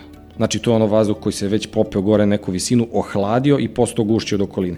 I onda počinje da se, da se spušta na dole, još imamo padavine koje dodatno ga ubrzavaju na dole i onda imamo bukvalno rasipanje hladnog vazduha na površini. Mm -hmm. I to je ono kad gledamo, sad smo recimo imali ove luje Uh, ove sezone videli smo ono, cela recimo šuma ono, sravljena sa, zemljo, sa zemljom zbog tih, da kažem, rasipanja hladnog vazduha iz oblaka i to je zapravo olujni mm -hmm. To se dešava bukvalno ispod oblaka. Tako, da, da. da. I naravno, mislim, on se ono prodiž, prožima ispred oblaka i sa strane, ali iz njega zapravo izlazi. Mm -hmm. A, a, dobro, da, rekli smo znači, da postoje različiti tipovi. Kakvi sve tipovi? Šta je to? Šta je ta ćelija ovaj, koja, jedno, koja ide ono jedno ćelija, više, jednoćelijski oblaci, više ćelijski, super ćelijski, ajde da o tome. Pa da, mislim, ako ono, uopšte pogledamo kako nastane, nastaje kumulonimbusni oblak, znači ideja je, odnosno ajde da kažem, recept za njegovo formiranje jeste da imamo jako zagrejan vazduh pri površini, to je ona priča. Znači, ako je on zagre, jako zagrejan, on ima težnju da se diže naviše. Kako se on penje naviše, ako još ima dovoljno vodene pare, ona će se kondenzovati i sad, da ne bi tu previše davio sa, mikrofiz, sa, sa, sa termodinamikom, nekako ljudima intuitivno recimo da bi kad, kad ima faznih prelaza, postoji nešto što se zove latentna toplota, odnosno nekakva energija koja je povezana sa faznim prelazom, sa pr, promenom agregatog stanja. I intuitivno je svima da kad, ne znam, stavim ono šerpu na, na, na, na ringlu, moram da je grejem da bi ta voda isparila, tako? E, važi suprotan proces. Kada vodena para prelazi u tečnu vodu, oslobađa se energija. I to je dodatan impuls. Znači, pored toga što je vazduh nestabilan, odnosno zagrejan teži da se e, vertikalno uzdiže na gore, još ako se tu kondenzuje voda, oslobađa se toplota što daje još dodatni impuls za, za, za vertikalno kretanje. E sad, a, pitanje je koliko efikasno ta energija može da se troši. I sad, ako u nekom trenutku može dođe i do prekida, da kažem, dovoda, te to, uh, vodene pare sa, sa prizemlja i tako dalje. I sad ono što, što, je, što je recimo odlično može da se poveže, a, sad ne znam da li se, da li se sećaš, bilo je recimo to po YouTube-u ili ne znam TikToku, fora kao imaš izazov a, flaša vode napunjena do vrha, ako, i, i tvoj izazov kao što pre da isprazniš vodu iz, iz te flaše. Ako je samo okreneš, ona će teći nekom brzinom, ali fora je što ta voda koja izađe iz flaše dole, isto tolika zapremina vazduha treba da uđe u flašu mm. i onda imaš ono periodično teče pa ne teče, teče pa ne teče. Međutim, ono, ko zna za foru, zavrteće flašu, odnosno zarotiraće vodu unutar flaše i pojavit će se nešto što podsjeća nekakav vrtlog tornado. Odnosno, do, došlo je do uh, fizičkog odvajanja silazne i, uzna, i uzlazne struje. I mm -hmm. bukvalno je to ono mehanizam i kod oluja. Najoptimalniji mehanizam za, za razmenu. Tako je. Da, da, da. Znači nema mhm. prekida dovoda bilo čega. Mm -hmm. I to je fora sa ovim tipovima oluja. Ako imamo jednoćelijsku oluju, znači imamo zagrevanje tla, vertikalno kretanje, stvore se kapljice, kad porastu do dovoljne veličine da, da, da, će, da će početi da padaju, oni padaju kroz istu tu zapreminu uh, kroz koje su se podlegi, uništavaju tu uzlaznu struju i to je kraj jednoćelijske oluje. Uh -huh, uh. I samim tim te kaplice onda ne mogu da porastu mnogo, neće se formirati grad ili ako se formira biće jako mal, mali pa će se otopiti dok dođe do tla i tako dalje. I to je jednoćelijska, obično nije da kažem, ne nanosi velike štete, traje par desetina minuta i to je to. Onda imamo ako spoj, ako zamisliš jednu ćelijsku oluju koja, koja je spojena, imamo nekoliko ćelijskih oluja jedna pored druge, može se desiti da, ono, da kažem, jedna ćelija upotpunjava drugu, recimo kad se jedna gasi, ova druga se po, po, pojavljuje pored nje i tako dalje i onda stvori nekakvu strukturu koja je više ćelijska i traje malo duže mm -hmm. i možda i može čak i da formira nekakav sitni grad ili šta već. I onda imamo ove superćelijske oluje koje su posebno u poslednje vreme nešto bile zanimljive u medijima i ono glavna razlika kod superćelijskih oluja u odnosu na ostale oluje je ta što pre formiranja oluje a, vetar skreće sa visinom. Znači ako zamisliš ono iz, iznad neke oblasti iznad koje bi trebalo se formira oblak, ono vetar može da struji samo u jednom pravcu. Međutim, ako se desi da, da, taj, ob, da, da, da taj vetar sa visinom skreće, šta se može desiti? Pa pri konvekciji uzlazna struja neće biti, da kažemo, vertikalna, Vertikalna, linija, da, da, da. nego će se pojaviti kao spiral, kao, kao spirala. Mhm. I u tom slučaju, ako se ona pojavi kao spirala, može se desiti da silazna struja, da kažem da nije prostorno na istom mestu gde je uzlazna struja. Mhm. I onda imamo prostorno odvajanje uzlazne i silazne struje Mhm. i što stvara neku, da kažem, formaciju koja je poprilično efikasna, jer imamo uvlačenje toplog vlažnog vazduha sa tla, a odvojeno na drugom mestu oblaka imamo silaznu struju u kojoj imamo, ta, da kažem, t, t, Rasipanje padavine i vetra, rasipanje da, tog, mhm, tog vetra. I onda takve luje mogu da su dugoživeće i onda imamo i ova ludila koja su sad bila, recimo, kada smo imali superćelijsku luju koja je preko 12 sati trajala, i onda obaranje tih rekorda grada i tako dalje i tako dalje. Znači u principu to je samo samo ideja u efikasnosti trošenja goriva za oluju što su mm. uh, topao vazduh i vodena para. Mhm, mhm. I kada imamo zapravo superćelijsko, odnosno kada uzlazna struja i silazna struja nisu na manje više istom mestu, onda zapravo taj oblak može da bude stvarno veliki, ono, prostran i tako Mhm. dalje. Da. Dobro, možda ne bi bilo loše da, ajde da napravimo pauzu dok ja nađem ovaj, zapravo neku skicu, a eto to mogu, možemo da po, ovaj, preporučimo i ljudima koji slušaju ove, recimo skicu superćelijskog oblaka, odnosno superćelijske oluje, pošto ćemo malo da pričamo detaljnije o tome sad kad, kad se vratimo sa pauze.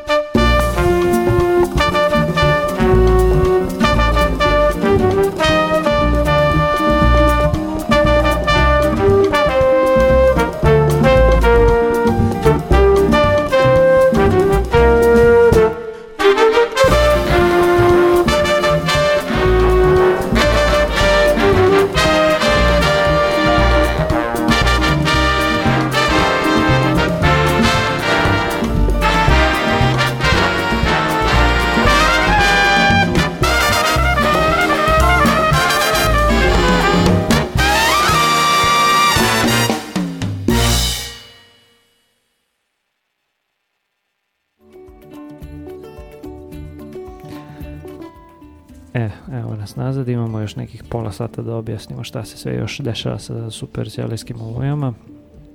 E, dakle, imamo e, topao vazduh dole, ovaj, koji zato što je topao krene da se ovaj, penje na veće visine.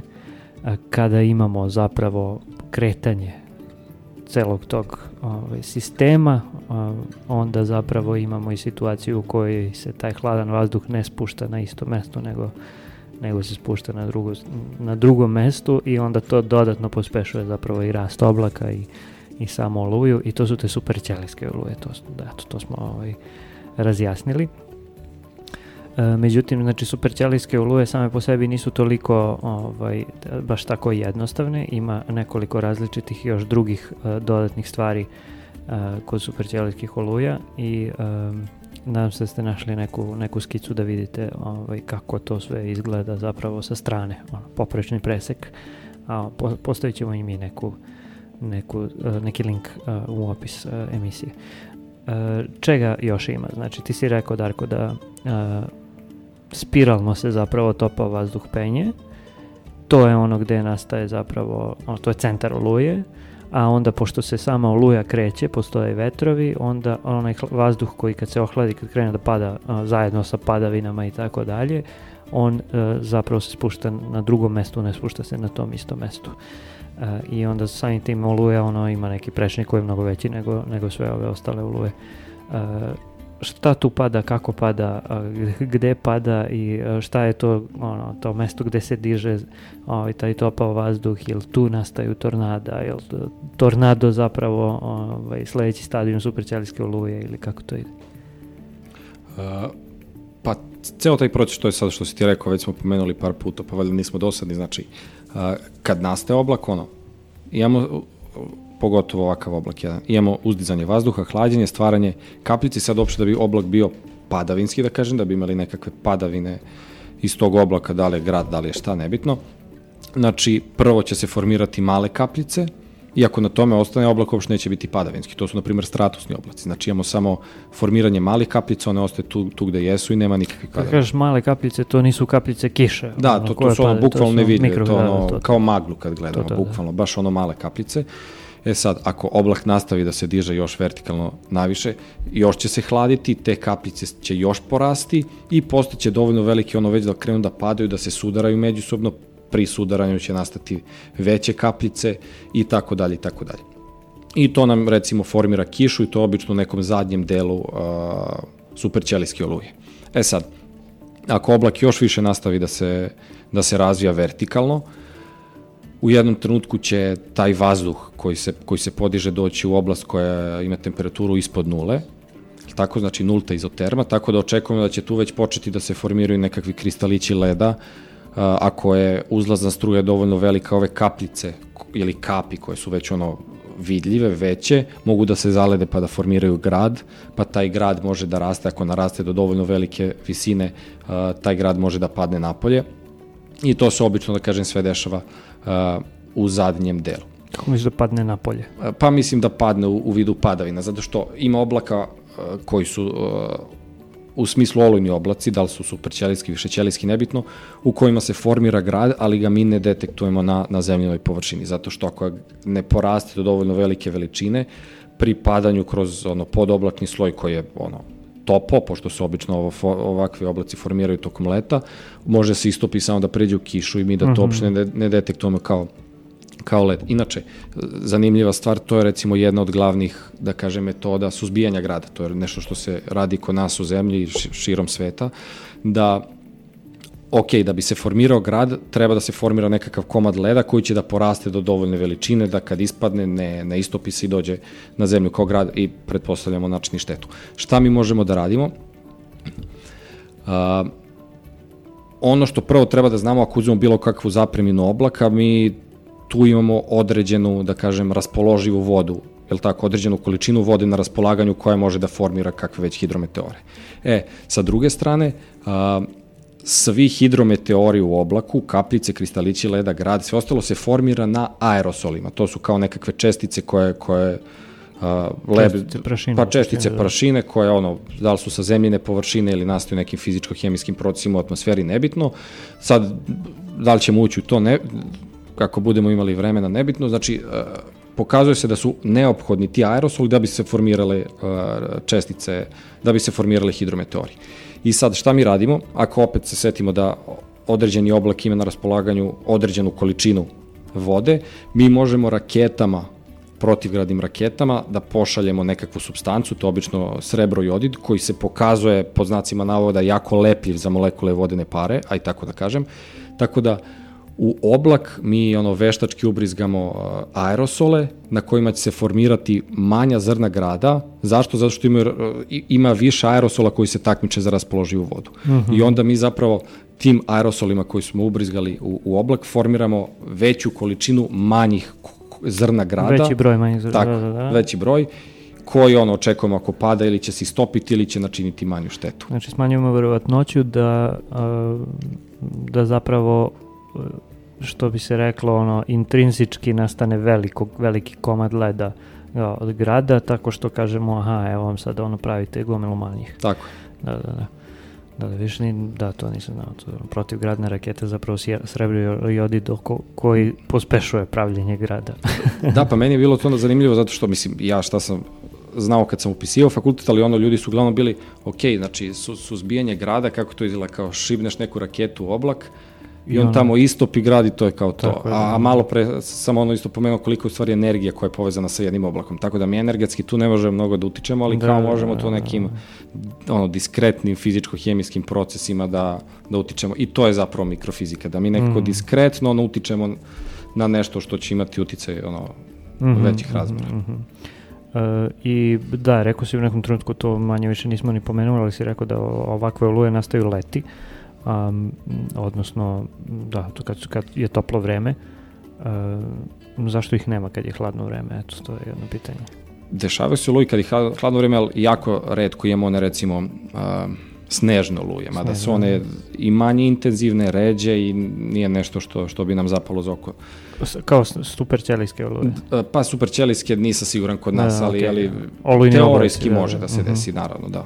Uh, međutim, zašto se to uh, dešava? Pa fore što, odlično si, sad si me pitao pa ću se nadovezati na to, da bi se formirale oluje, pored toga što nam je potrebna vodena para, potrebno je da sloj, barem prizemni, bude nestabilan. E sad, to, to sad nismo, do sad nismo pomenuli kao nestabilnost, ali je nestabilnost baš to- što ono da je uh, topao vazduh, vazduh u prizemlju, a na visini hladan vazduh. I onda taj topo teži da se podigne na gore. I sad, a, kad će biti najnestabilniji? Pa kad je najveće zagrevanje pritlu, a to je naravno leti, mm -hmm. kada je ono, jednostavno zbog, zbog sunčevog zračenja. Inače, isto zanimljiva činjenica, a, to, to se vjerojatno sećamo ono iz, iz, iz geografije srednja ili osnovna škola, da je atmosfera zemlje podeljena na nekakve slojeve i sad imamo troposferu koja je najniži sloj i u troposferi je a, temperatura opada sa visinom. I to je zapravo, a, da kažem, neophodno da bismo imali nestabilnost. Mm -hmm. Zašto opada sa, sa visinom? Pa zato što atmosfera ne reaguje u, u smislu apsorpcije na sunčevo zračenje, nego sunčevo zračenje dođe do zemljine površine, zato između ostalog i vidimo sunce, i onda se zagreva prizemni sloj od, od podloge. Odnosno, e, prizemni sloj atmosfere se zagreva zbog toga što imamo toplu ono, zemljište. Tako, da, zašto zemljište zemlju, da. zapravo apsorbuje a, Ili, a, da, vodu, sunce, a ne ono atmosfera. Mm -hmm. Dok kad bi recimo atmosferu činio neki drugi gas koji nije pro, da kažem propustljiv za sunčevo zračenje, zagrevanje bi bilo dozgo. Mm -hmm. I onda ne bismo imali nestabilnu stratifikaciju i ne bi, su se, ne bi se formirali oblaci na ovaj način kako se, mm -hmm. kako se sada formira. Nego bi se bilo suprotno zapravo Suprotno, dešava. da. A, o, zanimljivo. Jel se dešava to negde? Mislim, jel Pa ne, ne znam, ne da meni nešto poznato. to je sad ono, jel ima, jel su a, oblaci na drugim planetama takvi? Da?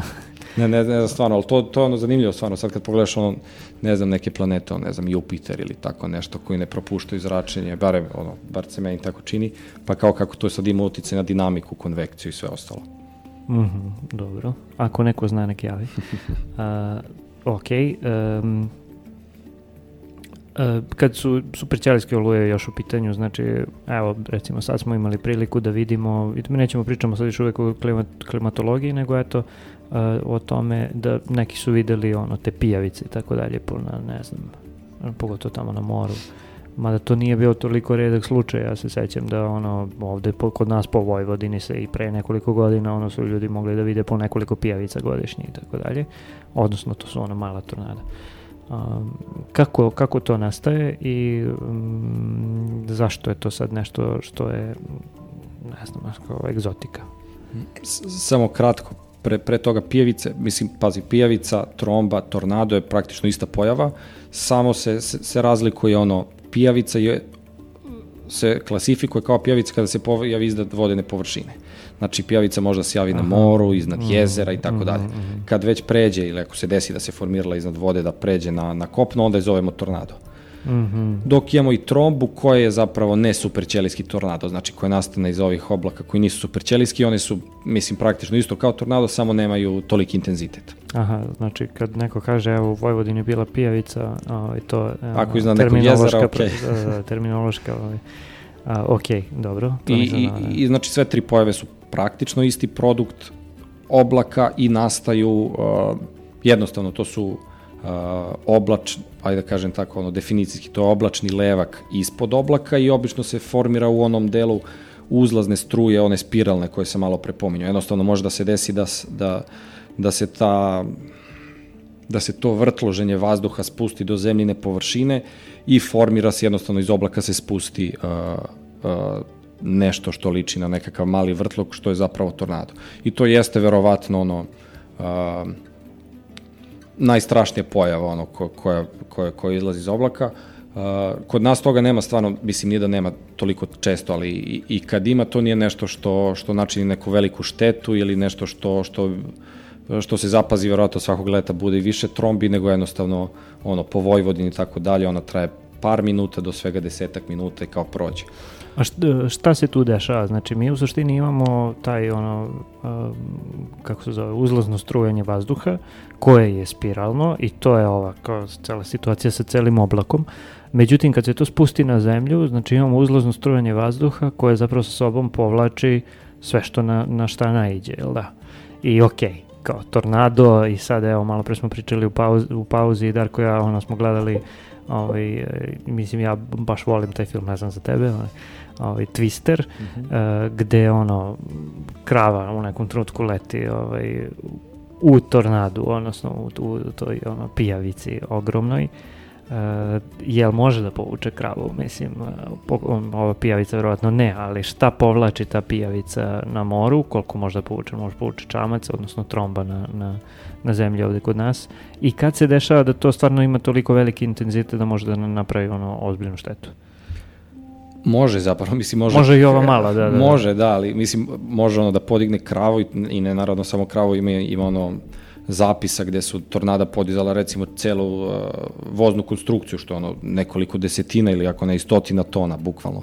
I ono da ga prenese, ne znam, par stotina metara. Naravno, nema takvih tornada na svu sreću kod nas. Samo sam spojio mm. dva filma, znači izvini, ovaj, da. Twister i onaj Sharknado. da, da, da. Remek delo. Izvini. Uh, ok, da, uh, tornado može da podigne svašta nešto, znači ima tu energiju, odnosno taj, uh, šta se dešava onda?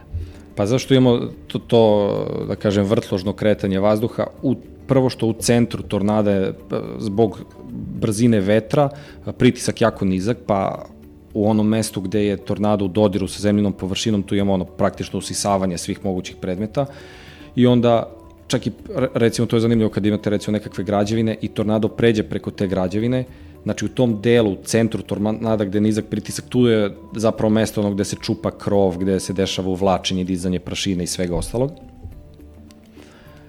A Mm, izvini, sad sam, sad sam izgubio misao. Znači, u, da, pričali smo o tome da u centru, u stvari, tu se zbog niskog pritiska čupaju stvari, a onaj ostatak i okolo, znači, taj, taj deo koji se spiralno kreće, onda on samo u suštini raznosi i diže gore, jel da? Tako je, da. Koliko može, ovaj, u zavisnosti od mase, verovatno, ovaj, objekta i stvari. Ali, recimo, da, evo to kod nas, na primjer, sad kad su bili ove, ove superćelijske oluje, um, Jel se desilo jel, da, da se pojavila neka, mislim, jel znaš da je se spustila zapravo tromba? Pa sad ne mogu se setiti, pogotovo ne za ovu konkretnu sezonu, sad ovu zadnju letnju sezonu, ovu sezonu Luje što su imali, ne mogu se setiti da je bilo nekih izveštaje, barem ne nešto ono spektakularno da je bilo neko baranje rekorda ili bilo čega, ali je vrlo moguće, mislim i ovo recimo Luju što smo imali tokom, tokom leda koja je trajala 12-13 sati, vrlo je moguće da je ona u nekom svom trenutku tokom razvoja imala neku, neku uh, trombu ili tornado koja traje ono desetinu minuta kad je toliki njen životni vek bio. Mm -hmm. Tako da vrlo je moguće. Sreća kod nas to, toga toliko nema, u SAD-u po, poprilično oni dolini tornada tamo imate ako se ne varam, čini me se hiljadu tornada godišnje u proseku u, u toj jednoj relativno maloj oblasti. E, to je sledeće pitanje, zašto se zašto kod nas nema, a, a ne znam, na Floridi ima? Bukvalno je samo ono meteorološki uslovi da se pogode kako treba, da a, sad ne mogu tačno se setim koji su uslovi tamo u toj njihovoj dolini tornada, ali bi trebalo da je da imaju a, upliv vrelog vazduha sa Atlantika na površinu koja je ono praktično pustinska, znači velika nestabilnost, velika vodena para i da postoji e, jako smicanje vetra, odnosno skretanje vetra sa visinom. Mm. I onda u toj nekoj relativno uskoj zoni gde dolazi do sučeljavanja tih struja ono, sa, sa okeana i, i te kontinentalne struje, tu se najčešće stvaraju te, te superćelijske oluje i naravno tornada i sve to što ide uz to. Mm -hmm. A kod nas je to pa manje više, mislim, ne postoji tako. Pa ok, da, imamo Jadrani, imamo Mislim, evo, kako, kako se recimo nastale, kako je nastala cela ova serija super ćelijskih oluja sad i zašto je nastala baš tako? To je, eto, to je nešto bilo zanimljivo što moglo da se primeti na, na svim kartama tamo, znači da nastaju pod Alpima, mm -hmm. ovaj, na severnom Jadranu i ono, u, ne znam, severnoj Italiji. Uh, ono, mislim, to uvek možemo nekako povezujemo sa klimatskim promenama, ali opet nije najjednostavnije pojedinačne, neke po, pojedinačne epizode povezati sa klimatskim promenama, jer jednostavno klima su neke srednje vrednosti, a za ove ekstremne vrednosti nije toliko jednostavno povezati direktno. Ono što je sigurno sad, e, sad tokom ove sezone važilo jeste da su se pogodili meteorološki, e, meteor, e, sinoptička situacija jednostavno i pre ono par nedelja ili mesec dana pre nego što je krenula ta sezona Oluja, ko se seća, imali smo nenormalne toplotne talase. Šta se ta desilo? Imali smo, uh, aj mogu tako da kažem, jednostavno se namestila tako sinoptička situacija da smo imali uvlačenje vrelog vazduha sa severa Afrike i taj vreo vazduh je dugo, dugo, dugo vremena stajao iznad pa, praktično celog uh, južnog dela evropskog kontinenta i onda se jednostavno desilo kada dođe do promene, recimo kada dođe neka vla, vlažna vazdušna masa sa, sa zapada, sa Atlantika, onaj vreo vazduh koji je bio iznad Evrope zagreo zemljinu površinu ono mnogo i onda je došao taj vazduh koji je hladni, a pun vodene pare i javila se nestabilnost, jednostavno uslovi koji su mhm. ono potencijalno mogu da, mogu da razviju uh, te takve oluje. Tako da smo imali, to je bukvalno zato što se jednostavno pod, podesila situacija tako. Mm -hmm. A pa, kad kažeš e, zimski olujni oblaci, kako to izgleda, kako to nastaje? A, pa, mislim, zimski olujni oblaci su, ono, mogu se desiti tokom zime da, da olujni oblaci daju kišu, ono da liče kao što su ovi najobičniji tokom, tokom leta, samo su obično ono, dosta manje intenzivni i nemaju te produkte koji su, ono, da kažem, katastrofalni. A postoji nešto što se zovu te uh, snežne oluje kada su, kada je ono baš zima hladno, da kažem dosta ispod nule i prizemni sloj vazduha je ispod nule i onda jednostavno kada krene da se formi, kada, kada krene formiranje samog olujnog oblaka, nećemo proći onaj prvi period formiranja kapljica, pa ne znam, zaleđivanja tih kapljica i tako dalje i tako dalje, nego će se odmah formirati kristali leda. Tako da uopšte praktično nemamo tečnu fazu u oblaku. Mm -hmm. I onda oni daju uh, one oluje, da kažem, uh, snežne oluje, znači uh, koje nisu toliko katastrof, katastrofalne, ali ono zanimljive su sa, sa, sa, sa tog aspekta. Ali, znači, tu isto postoji neka vrsta konvekcije, naravno. Da, da, da. Zato što, da, da. Znači, postoje neke padavine i tako dalje. Međutim, mi tu zapravo nemamo prelazak iz jednog uh, stanja u drugo, nemamo fazni prelaz, sami tim ni nemamo oslobađanje toplote. Ovaj, pa, imamo fazni a... prelaz, samo što će biti ono iz vodene pare direktno u led, ono to će ili biti depozicija, aha, i, aha, znači okay. nećemo imati tečnu vodu. Ok, ok. Znači, Zato što između ostalog, recimo, to... tečna voda nam je poprilično važno da bi se formirali, formirao grad, recimo. Mhm. I onda ako imamo samo ledenu fazu, verovatno se neće formirati grad, recimo, na primjer. Mhm, mhm. Mhm. Um, dobro, ništa. Ajde napravimo još jednu malu pauzu pred kraj pa da se vratimo da zaokružimo ove neke razne stvari vezane za to šta još znamo o, o supercijelijskim olujama u kontekstu zapravo klimatskih promjena, pošto to jeste nešto što je važna tema.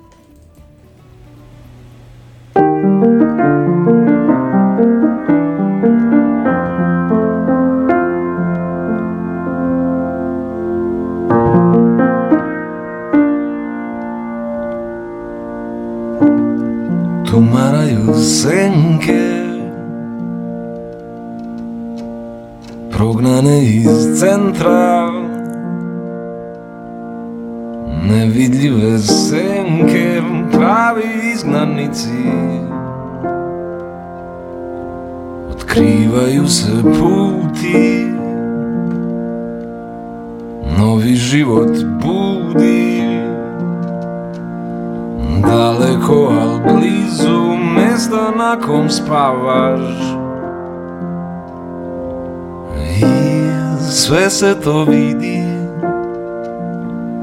I sve se to zbiva Margini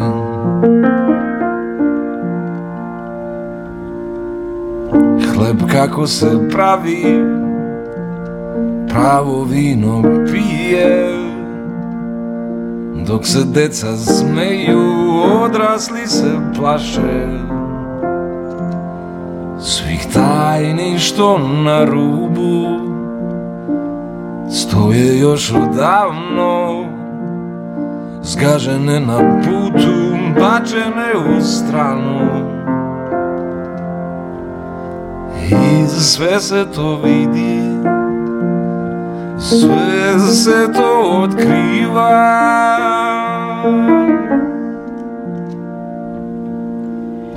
Na margini Ratovi se vode glavnog trga. Zašto i zbog čega? Ko će nam to reći? Da li pravo prijateljstvo kreće u cik zore? S jutrom da li se budi sa večeri odmara?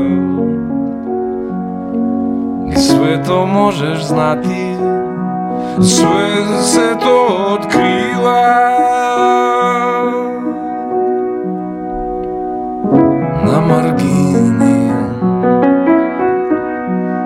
i da mnoge glave skidaju s ramena i da mnoga srca bacaju u stranu. Baš onima koji nađu mesto pravo oni što su u centru težili odavno. I sve se to vidi sve se to otkriva na margini.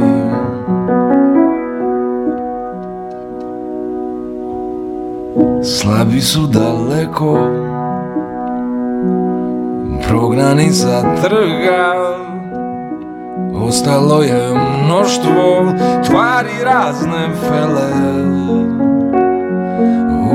nemoći snaga sa mirisom vetra nađe svoje pute u predele nove. Tamo gde se može pričati o tome sve se tamo zbiva sve se to otkriva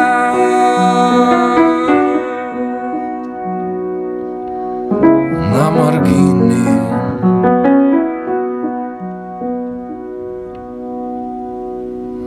Ivana i Bojan Marija i Dušan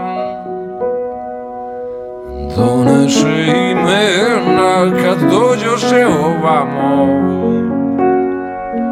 S cipelama starim Uz nove zvuke vetra Tek tu mogu mirno o svemu da pričaju.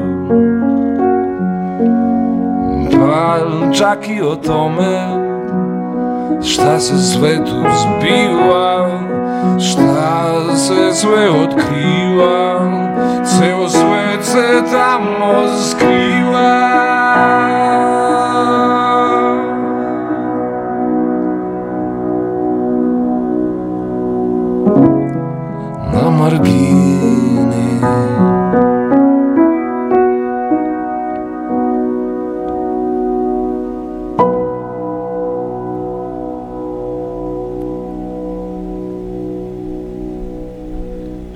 tamo zbiva na margini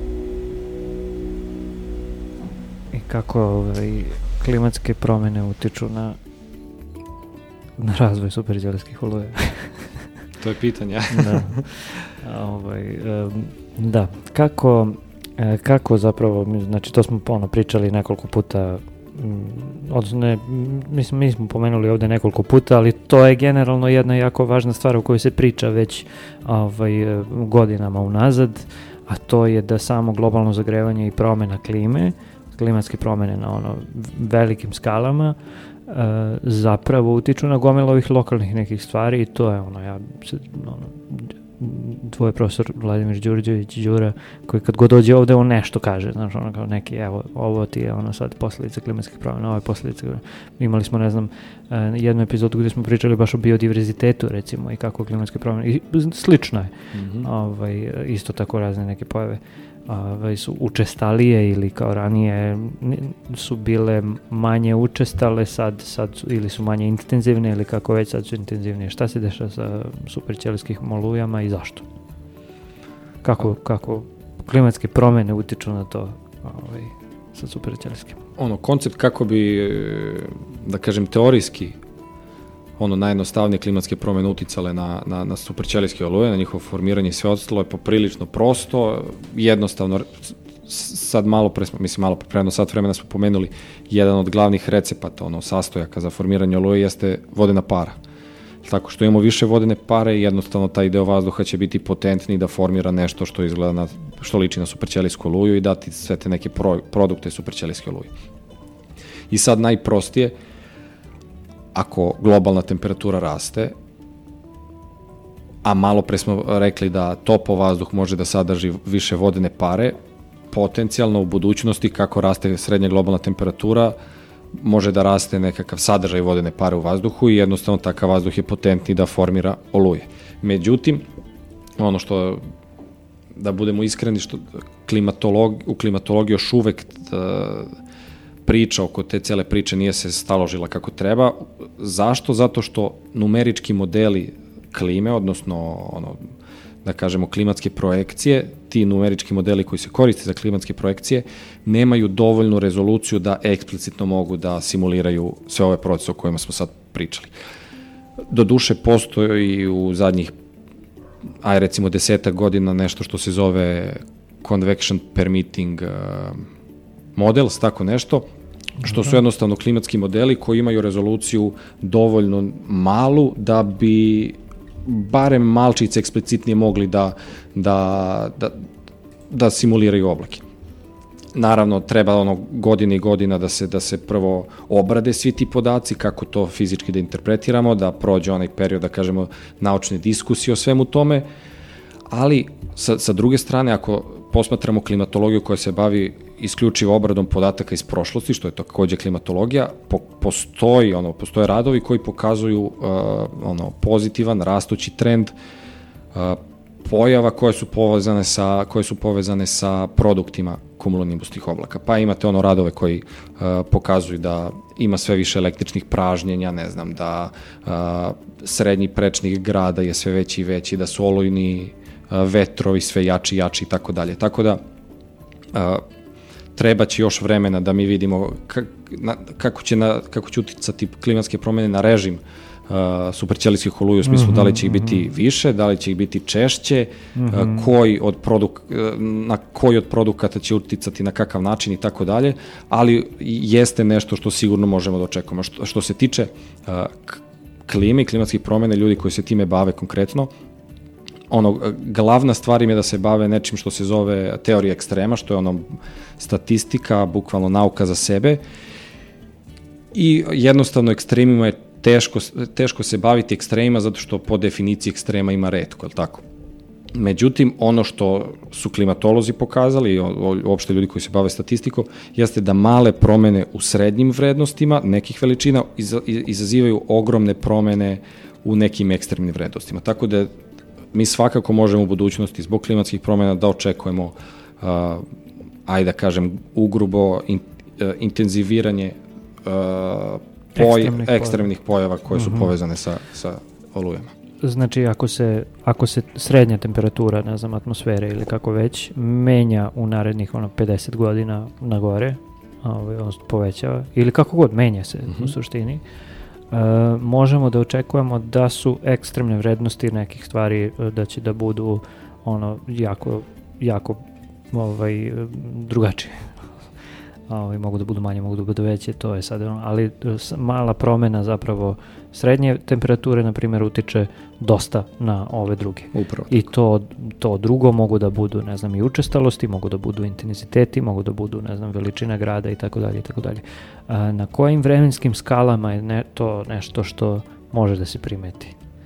da postoji da se primeti neka vrsta pravilnosti, ali postoji Pa da, mislim klimatolozi to je i, i, i bio jedan od problema recimo kada su prvi put počeli da pričaju o klimatskim promenama recimo 70. godina kada su shvatili, ok, imamo više CO2 u atmosferi, to može da utiče na ovaj način, očekujemo da će se desiti to i to tad i tad, i tad je to i dalje bilo sve u nekom opsegu spekulacije i tako dalje. Tako da ono što su klimatolozi provali jeste da, da, da ti treba recimo 30 godina da izađeš iz nečega što se zove prirodna klimatska variabilnost, pošto sve se naravno menja, osciluje tamo vamo, ono što su pokazali jeste barem 30 godina treba da imaš nekakav uzorak da možeš da isključiš tu klimatsku variabilnost i da kažeš ok, ipak mi se ovaj ekstrem povećao za toliko ili mm -hmm, ovaj... Mm -hmm.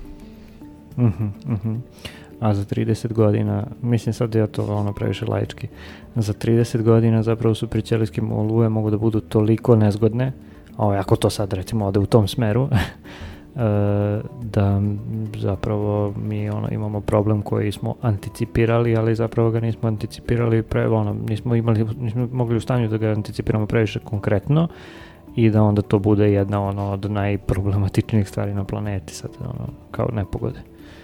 Ne znam. Jeste, jeste, pa to je ono što, što i klimatolozi pričaju već ono 50 godina nazad, rekli su biće više, ne znam, toplotnih talasa, poveća se smrtnost kod ljudi, zanemarili smo sve to, nismo uradili ništa, evo to se sad desilo.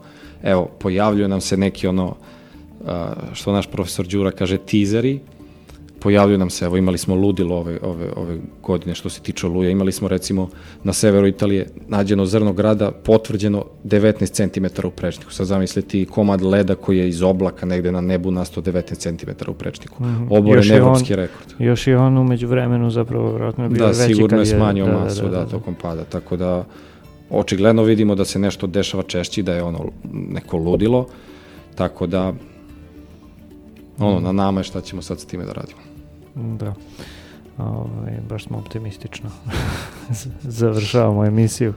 Ove, ovaj, na nama šta ćemo sada radimo. Ove, ovaj, za globalno zagrevanje zauzmi stav. Ove, um, pa nije, to jeste zapravo jedna od glavnih ono, tema. Ono, predostrožnost u suštini. Mislim, svesni smo, naravno da smo svesni, ali za neke stvari jednostavno to ne možeš dok ne vidiš da li će pro, kad prođe 30 godina da vidiš da li je to zapravo stvarno se tako promenilo sa tim trendom ili ne, da li se stvarno desilo ili ne, ali bolje ono spreči nego ovaj, nego šta god leči, ne možeš da lečiš, nego ono, se seli. um, tako da, da mislim da to dosta ono, važna poruka. Tako da... Uh, je li ima još nešto, mislim, ono, svašta smo nešto pomenuli, svašta nismo pomenuli, ali je li ima nešto još važno u vezi sa tim što, što bi mogao da pomeneš? na, ono, pred sam kraj? Pa ne znam, eto, ono, stavio bi fokus na to baš što si ti rekao, eto, informisanje, građana, informisanje građana, to je nešto što, da kažem ljudima, vama koji se bavite medijima, ono, ozbiljnu odgovornost imate, pogotovo kad su klimatske promene, a evo i kad su oluje, nešto što dan, dva predočavamo, gledamo napred, tako da ono ima puno informacija, pogotovo kad su klimatske promene i kada pričamo o klimatskim promenama, često to zna da se pretvori u neku kliše priču, pa kao kakve klimatske promene, ono, prevrneš očima. Znam, pričaš mi kao svaki dan, to dosadno je. A kad se desi ono super ćelijska oluja, onda ono može da se pretvori u suprotnu stranu, pa da bude zastrašivanje koje ono potpuno isto kontroluje. tako. Da, da. tako da, eto, mislim, to je ono, uh, da vodimo računa kako baratamo tim informacijama, pogotovo kako, kako ih treba prikazati medijima i ono, edukacija, edukacija. Hvala ti. Ove, ono, dva sata su verovatno bila dosta, meni su bar bilo značajno za razne stvari da sebi razjasnim, a nadam se da su ljudi koji, sluša, koji slušaju razjasnili sebi neke stvari uh, i ovaj, posebno, eto, se nadam ovaj, uh, uh, da neki slušalci koji su možda mlađi, još uvijek nisu upisali fakultete i tako dalje, ili možda su na fakultetima, ali nekako nisu opredeljeni a, u kom smeru će dalje da odu.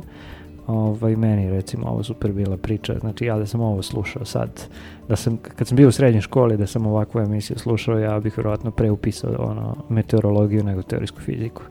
Tako da, eto, nadam se da, da, da smo nekoga zapravo zainteresovali da, da se bavi meteorologijom i klimatologijom i tako dalje. I eto, to je na fizičkom fakultetu u Beogradu.